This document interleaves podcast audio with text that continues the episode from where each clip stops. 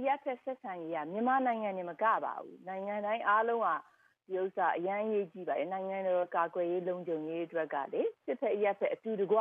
ဆက်ဆံပြီးတော့အတူတကွပူးပေါင်းပြီးတော့လုပ်နိုင်ဖို့အတွက်ကအရန်ရေးကြီးပါတယ်နောက်ပြီးစစ်ဖက်အရက်ဖက်ဆက်ဆံရေးလို့ပြောလိုက်လို့ရှိရင်နှစ်ခုသက်သက်ရှိရနော်ပထမတစ်ချက်က military organization စစ်တပ်နဲ့ civil society တိုင်းပြည်သားအားလုံးနဲ့ဒါတခုနောက်တစ်ချက်ကကြတော့စစ်တပ်နဲ့ civilian government နဲ့ဆက်ဆံရေးအဲ့ဒါနှစ်မျိုးရှိပါတယ်ဟုတ်ကဲ့မိမိပြောတာကတော့တိုင်းပြည်ကာကွယ်ရေးအတွက်အရေးကြီးတယ်ဆိုတော့ပြောတော့ပါတယ်မြန်မာနိုင်ငံပြည်သူတွေနားလည်ကြတာကတော့စစ်တပ်နဲ့အရပ်ဖက် civil society ဆိုတာတဲ့ government နဲ့ဆက်ဆံရေးအဆင်မပြေတဲ့အတွက်ကြောင့်ဒီမိုကရေစီဖော်ဆောင်ရေးမှာအဖုအထစ်တွေရှိနေတယ်အနှောင့်အယှက်တွေဖြစ်နေတယ်လို့နားလည်ကြပါတယ်အဲ့ဒီကိစ္စကိုလည်းရှင်းပြပေးပါခင်ဗျစစ်ဖက်အရပ်ဖက်ဆက်ဆံရေးကဒီမိုကရေ စီတွေမမကပါဘူး။ဟိုနေတခြားနိုင်ငံတွေဆိုပါတော့ China မှာလည်းစစ်ဖက်ရပ်ဖက်ဆက်ဆံရေးရှိတယ်။ China system ကကြတော့အဲစစ်တပ်ကတော့အာအာရပ်ဖက်ရအောက်မှာအောက်မှာရှိပါတယ်။ဒါပေမဲ့သူတို့မှာ democracy လို့ပြောလို့မရဘူးလေ။ so ကျွန်မပြောချင်တာစစ်ဖက်ရပ်ဖက်ဆက်ဆံရေးနဲ့ democracy နဲ့ကအာ exclusive မဟုတ်ပါဘူး။ရုရှားလည်းကြည့်ပါလား။ရုရှားလည်းစစ်တပ်ကအရပ်ဖက်အောက်မှာ တကယ်တကယ်ဒီမိုကရေစီလားဆိုတာစဉ်းစားရမှာပေါ့လေအရေးကြီးတာကတော့သူတို့နိုင်ငံမှာဒီမိုကရေစီမဟုတ်ပေမဲ့လည်းစစ်တပ်ဟာအယက်သားရဲ့ဩဇာအာဏာအောက်မှာနေတယ်ပေါ့သူတို့စီမှာမြန်မာနိုင်ငံမှာကြတော့ဘာကြောင့်ထူးခြားနေရပါလဲခင်ဗျာအဲထူးခြားတာဘာလို့လဲဆိုတော့အမေရိကလည်းဒီတိုင်းပါပဲကျမတို့မှာအန်ဒီရတွေအများကြီးရှိတယ်ဆိုတော့စစ်ဖက်အရက်ဖက်ဆက်ဆံရေးလို့ပြောလိုက်လို့ရှိရင်အများဒီ national security နဲ့ပို့ပြီးတော့သက်ဆိုင်တယ် စစ်ဖက်အရက်ဖက်အတူတကွလုတ်တော့မှနိုင်ငံတော်ကာကွယ်ရေးကိုလုပ်ပေးနိုင်တယ်အဲ့လုတ်တော့မှလည်းနိုင်ငံတော်ကဟိုဗာလဲတိုးတက်ရေးကိုလုပ်နိုင်တယ်ငင်းညမ်းရေးတွေရလာမယ်ငင်းညမ်းရေးတွေရလာလို့ရှိလို့ရှိရင် democratization ကပို့ပြီးတော့လွယ်ကူလာလိမ့်မယ်ဆိုတော့မြန်မာနိုင်ငံမှာ national security မြို့သားလုံခြုံရေးဆိုတာအရေးကြီးတဲ့ issues တွေကဘာတွေရှိနေတယ်လို့ပြောနိုင်ပါသလဲ အဲ့ဒါအမျိုးစုံပါပဲမြန်မာနိုင်ငံမှာဆိုလို့ရှိရင်အာအာဟိုပြောရင်ပါခေါ်မယ်အာ traditional security နဲ့ non traditional security ဆိုတာနှစ်မျိုးလုံးမြန်မာနိုင်ငံမှာဖြစ်ဖြစ်ကျမတို့အမေရိကမှာလည်းရှိပါတယ်အခုချိန်မှာ globalization အာကျမ security ရဲ့ဗာလဲပတ်ဝန်းကျင်မှာအလုပ်လုပ်တဲ့လူဆိုတော့ကျမအများအား NDA တွေပဲကျမကြည့်နေရတာပေါ့နော်အခုဆိုလို့ရှိရင် traditional security ဆို geopolitics ကရှိလာပြီ နောက်ပြီးတော့ဟိုနည်း terrorism uh transnational uh transnational uh, crime လို့က drug trafficking တို့ uh maritime security အဲ့ဒါတွေအမျိုးစုံပါပဲအဲ့ဒီဥစ္စာအားလုံးကအာရှပစိဖိတ်မှာရှိနေတဲ့နိုင်ငံတွေအားလုံးကအရင်ပဲတွေ့ကြုံနေရတာဟုတ်ကဲ့ကျွန်တော်မြန်မာလိုပြန်ပြမယ်ဆိုတော့အစင်လာရှိလာခဲ့တဲ့အမျိုးသားလူမျိုးရေးအန်ဒီရယ်နဲ့အစင်လာမဟုတ်ဘဲနဲ့နောက်ပေါ်ထွန်းလာတဲ့အန်ဒီရယ်သစ်တွေပေါ့နှမျိုးပြောရမှာပေါ့ traditional and non traditional ဟုတ်ကဲ့ရှင်ဟုတ်ကဲ့အစင်လာရှိလာခဲ့ကြကတော့ပထဝီဝင်အနေထားအရနိုင်ငံကြီးတွေကြားမှာရှိခဲ့တာနဲ့ပတ်သက်တယ်နောက်ပိုင်းအစ်စ်ပေါ်လာတာကတော့နေဆက်ဖြတ်ကျော်တဲ့မူရည်စေဝါပြမှုတို့ဒါနောက်ပြီးတော့ဒါအကြမ်းဖက်ကိစ္စတို့ပေါ့လေဟုတ်ကဲ့အဲ့ဒါဆိုရှင်းပါဟုတ်ကဲ့ဟုတ်ကဲ့ရှင်းပါတယ်ဆိုကျွန်တော်တခုမေးချင်တာအရက်ဖက်စစ်ဖက်ဆက်ဆံရေးစံပြုလောက်တဲ့ဆက်ဆံရေးဆိုတာကိုဒါ generalize လို့လို့ရေဘူးရပြုလို့ရပါသလားနည်းနည်းရှင်းပြပါခင်ဗျာအာ relationship ဆိုတဲ့က generalize principle တွေကတော့ရှိတာပေါ့နော်ကောင်းတဲ့ဆက်ဆံမှုကောင်းတဲ့ relationship ဆိုလို့ရှိရင် trust ရှိတယ်နောက်ပြီးတော့တန်တဲ့ယုံကြည်မှုပေါ့နော်ယုံကြည်မှုရှိတယ်နောက်တရားနဲ့တရားနဲ့ habits of dialogue အများအားဆက်သွယ်မှုအများအားအာ habits of dialogue ဟုတ်ကဲ့ဆွေးနွေးညှိနှိုင်းတဲ့ delay ပေါ့ဟုတ်ကဲ့ delay ရှိပါတယ်ဟုတ်ကဲ့ဆွေးနွေးညှိနှိုင်းတဲ့ delay ရှိမယ်နောက်ပြီးတော့ ဒီ government နဲ့မှာဆိုလို့ရှိရင်တော့အများအားဗာလဲ inter agency mechanism တွေအများကြီးရှိတာပေါ့နော်နှစ်ဖက်ကြားဌာနတွင်းဆက်ဆံရေးရန်တရား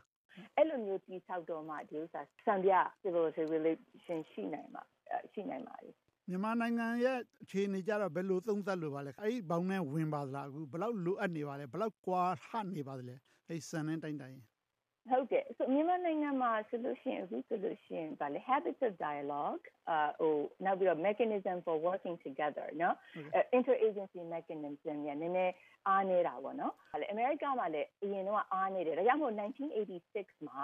Goldwater Nickel Act ဆိုပြီးတော့ 1986မှာ President Reagan ဒီဒီ act ကို sign လုပ်လိုက်တာအဲ့ဒီ sign လုပ်တာဘာကြောင့်လဲဆိုတော့ interagency နဲ့ joint ဥစ္စာတွေမလုပ်ကြလို့ စစ်တပ်နဲ့ရပ်ဖက်နဲ့နောက်ပြီးတော့ဗာလဲစစ်တပ်ထဲမှာတောင်မှလည်းကျမတို့ရဲ့ကြည်ရည်လေးရလေအသေးချာလေပူပေါင်းပြီးတော့မလုပ်တဲ့အတွက်ကြောင့်မလို့သူတို့တွေကဒီ Goldwater Nickel Act ဆိုတော့1986မှာလုပ်လိုက်တဲ့အခါကျတော့အဲ့ဒီကနေပြီးတော့စပြီးတော့ကျမတို့ဒီ joint လုပ်ရတယ်ကျမတို့စစ်တပ်မှာဆိုလို့ရှိရင် joint assignment မရှိတာလို့ရှိလို့ရှိရင်ကျမတို့အပေါ် promotion အတွက်နည်းနည်းခက်ခဲတယ် so ဒီ so ကျမတို့ဒီမှာဆိုလို့ရှိရင်အခုဆို liaison officer တွေအများကြီးရှိတယ်ကျမတို့ကလည်းဟို State Department တို့ USAID တို့ ဟို Homeland Security အဲ့နေရာမှာကျမတို့က liaison officer တွေပို့ထားတယ်ဟိုဘက်ကလည်းကျမတို့ဒီဘက်ကို liaison officer တွေပို့ဆိုကျမတို့ Pacific Command မှာကျမလုပ်အရင်တော့လုပ်တယ်ဆိုလို့ရှိရင်ကျမတို့မှာဒီဒီတခြား civilian agency တွေက liaison officer တွေကျမတို့ဒီမှာ post လုပ်ထားတယ် အဲ့လိုဆက်ဆက်တာပေါ့နောက်ပြီးတော့ကျမတို့မှာဟို strategic level national level ဆိုလို့ရှိရင် federal level ဆိုလို့ရှိရင်ဟိုနေ national security council ဆိုတာရှိတယ် president ကိုနိုင်ဗာလေဥဆောင်ပြီးတော့လုပ်တာသူတို့အများအားဒီဥစ္စာအားလုံး agency တွေအတူတူတို့ကခေါ်လာပြီးတော့အာသူတို့ national security strategy ကို formulate လုပ်တာရယ်နောက်ပြီးတော့ဗာလေ discuss လုပ်တာရယ်အဲ့ဒါအများအားလုပ်တယ် level အားလုံးထဲမှာကျမတို့ကဒီဥစ္စာဒီဆက်ဆက်မှုတွေ mechanism တွေချထားတယ် နောက်ပြီးလည်းပြီးတော့အဲ့ဒီဥစ္စာလုပ်ဖို့အတွက်ကကျမတို့ပညာယူတဲ့အခါမှာလည်းတူတူလုပ်ကြတယ်ပေါ့နော်။ကျောင်းနဲ့ကျောင်းနဲ့နားလည်မှုကဒီလိုဆက်ဆက်နေကြတယ်ဆက်ဆံနေကြတော့မှမြင်ဖြစ်တယ်။မြန်မာနိုင်ငံမှာကြတော့လွတ်လပ်ရေးရပြီးကြတဲ့ကစစ်တပ်နဲ့အရက်ဖက်နဲ့ဆက်ဆံရေးဟာသိပ်ပြီးတော့သဟဇာတမဖြစ်ခဲ့ဘူး harmony မဖြစ်ခဲ့ဘူးဆိုရင်မှန်မဲ့ထင်ပါတယ်ဒါကြောင့်လည်းပဲစစ်တပ်ကနောင်ခါမှသူတို့အာဏာသိမ်းယူလိုက်တာတွေဖြစ်ခဲ့တယ်ဆိုတော့ အဲ့လိုဖြစ်လာပြီးတော့တချို့သုံးသပ်ကြတာကတော့စစ်တပ်ဘက်ကရှိနေတဲ့ mindset ကို၌ကတော့ civilian အောက်မှာဘယ်တော့မှမကြို့ဘူးငါတို့ကသူတို့အပေါ်ကသာနေမယ်သူတို့ရဲ့အမိန့်အာဏာမခံဘူးဆိုတဲ့အယူဆသူတို့စီမှာအခုထိဆက်လက်ပြီးတော့ရှိနေတယ်ဆိုတော့ဒီ civil authority ကိုသူတို့လက်ခံလာအောင်နားလည်အောင်ဘယ်လိုလုပ်သင့်တယ်ထင်ပါလဲခင်ဗျာဘယ်လိုပြောင်းလဲယူရမလဲအဲ့ဒီဥစ္စာကတော့ကျွန်မ trust trust နဲ့ပို့ပြီးတော့ရေးကြည့်တာပေါ့နော် အာတယောက်နဲ့တယောက်နဲ့ယုံကြည်မှုအဲအဲယုံကြည်မှုရှိဖို့အတွက်ကလည်းတယောက်နဲ့တယောက်နဲ့ဆက်ဆက်ပြီးတော့လုပ်ရမယ်အဲ့လိုမျိုးလုပ်လာတော့မှဒီနေ့ယုံကြည်မှုရှိလာပြီးတော့သူတို့ civil military relation ဒီဒီ EFS စစ်တပ်ဆက်ဆံမှုကပြီးပြီးတော့ကောင်းလာမယ်လို့ကျွန်မထင်ပါတယ်နောက်တစ်ခုကလူတွေကပြောကြတဲ့ professional army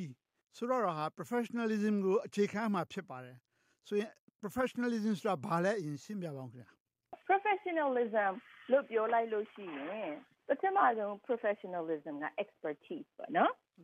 specialized knowledge အဲ့ဒါဘယ်လိုဘယ်မှာလို့ဘယ်လိုပြောမလဲကျွမ်းကျင်မှုပေါ့ကျွမ်းကျင်မှု yeah ကျွမ်းကျင်မှုနောက်နောက်တစ်ချက်ကကြတော့ဟို ethical conduct အဲ့ဒါကတော့ကျင့်ဝတ်သိက္ခာနဲ့ကိုက်ညီတဲ့အပြုမှုပေါ့ဗျာဟုတ်ကဲ့ ethical conduct ရှိလို့ရှိလို့ရှိလို့ရှိရင်ဒီဥစ္စာက professionalism လို့ပြောတာပေါ့နော်ဟုတ်ကဲ့ဆိုတော့ professionalism ဖြစ်ဖို့အတွက်က အများကြီးကြိုးစားအာ အများကြီးစာသင်ရတယ်အများကြီးလက်တွေ့တွေလုပ်ရတယ်ကျမအခုတည်းဒီ28နှစ်လုံးလုံးလေဒီတည်းမှာကျမလှုပ်လာတဲ့ဥစ္စာကိုအမြဲတမ်းသင်ကြားလာတယ်တခါလေကြလို့ရှိရင်ကျမတို့ရဲ့ organization တွေကကိုယ့်ရဲ့ lane ထဲမှာမနေဘဲနဲ့တခြားနေရာတွေရောက်ရောက်သွားတဲ့အခါကျတော့အဲ့ဒီဥစ္စာကျမတို့ရဲ့ specialized knowledge နဲ့ skill နဲ့မဆိုင်တဲ့ဥစ္စာရောက်သွားတဲ့အခါကျရင်ကျမတို့ဒါ professionalism နဲ့နဲ့ပျောက်သွားတာနောက်ပြီးတော့ ethical conduct ဒါကြတော့ ကျွန်မပြောမယ် honesty integrity accountability အာနောက်ပြီးတော့ by self discipline ပေါ့နော်ဟုတ်ကဲ့ယူသားမှုတည်ကြည်မှုကိုလုပ်တာကိုကိုတာဝန်ခံမှုကိုပိုင်အသိနဲ့စီကံထိန်းသိမ်းမှုစတာတွေပေါ့အဲ့ဒါတွေဟုတ်ကဲ့ဟုတ်ကဲ့အဲ့အဲ့ဒါနောက်ပြီးတော့ respect respect လည်းပါတယ် respect ကကိုယ့်ရဲ့ဗာလဲကိုကိုနိုင် self respect နောက်ပြီးတော့လည်းသူများတွေ respect လုပ်တာအဲနောက်ပြီးတော့ဗာလဲ bullying bullying နိုင်တဲ့စီးနင်း အဲအနိုင်တဲ့စီနင်းအဲ့ဒါဆိုလို့ရှိရင်ဒီဥစ္စာ professionalism ပျောက်သွားအောင် so professional ဖြစ်ချင်တယ်ဆိုလို့ရှိရင်ဒီအချက်တွေလိုက်နာတဲ့အခါကျတော့ဒါ professional လို့ခေါ်တာပေါ့ဒီဥစ္စာကျမတို့ရဲ့ဒါဒါ criteria ပေါ့နော် criteria for professionalism ဟုတ်ကဲ့ဆိုတော့ military တခုကိုစစ်တပ်တခုကို professional ဖြစ်လာအောင်ပြောင်းလဲဖို့အတွက်အဓိက education တခုနဲ့ရပါသလားဥမြန်မာနိုင်ငံမှာဆိုရင်ဒေါ်မီမီကိုယ်တိုင်သွားပြီးတော့ သင်တန်းတွေပို့ချတာတွေပါတယ်ရှိတယ်ပေါ့လေသိကောင်းတဲ့လူရဖြစ်ပါတယ်အဲ့ဒီဟာနဲ့လုံလောက်ပါလားတခြားဘာလို့ဖို့လိုအပ်တဲ့ထင်ပါလဲမြန်မာနိုင်ငံမှာစစ်တပ်ထဲမှာ professionalism ထွန်းကားလာဖို့အတွက်အာ professionalism ကတခါတည်းနဲ့မရဘူးဒီဥစ္စာအများအားလေ့ကျင့်နေရတဲ့ဥစ္စာကျမတို့အမေရိကန်မှာလည်းဒီတိုင်းပါပဲကျမတို့ကနေ့တိုင်းကြိုးစားနေရတဲ့ဥစ္စာပါနောက်ဆုံးမေးချင်တာကတော့မြန်မာနိုင်ငံရဲ့ရပ်ဘက်နဲ့စစ်ဘက်ဆက်ဆံရေးအစဉ်ပြေပြီးတော့ တိုင်းပြည်အတွက်ပြေဝလက်တွဲဆောင်ရွက်နိုင်မဲ့အလားအလာကို ဘယ်လိုမြင်မိပါသလဲ မြန်မာနိုင်ငံရဲ့ အခြေအနေက မြန်မာနိုင်ငံရဲ့ အခြေအနေကဟို2010 ကနေပြီးတော့ ကြည့်လိုက်လို့ရှိရင်တော့ အရင် pre 2010 နဲ့ အခု post 2010 အဲ့ဒါ တခြားစီပါ ဆိုတော့ စစ်ဖက်အရက် ဆက်ဆက်ဆိုင်ရအများအားကျမပြောသလိုပဲ တခါတည်းနဲ့ဒီနေ့လာပြီးတော့ဗာလဲရုံးကနေလှုပ်လို့ရတဲ့ဥစ္စာ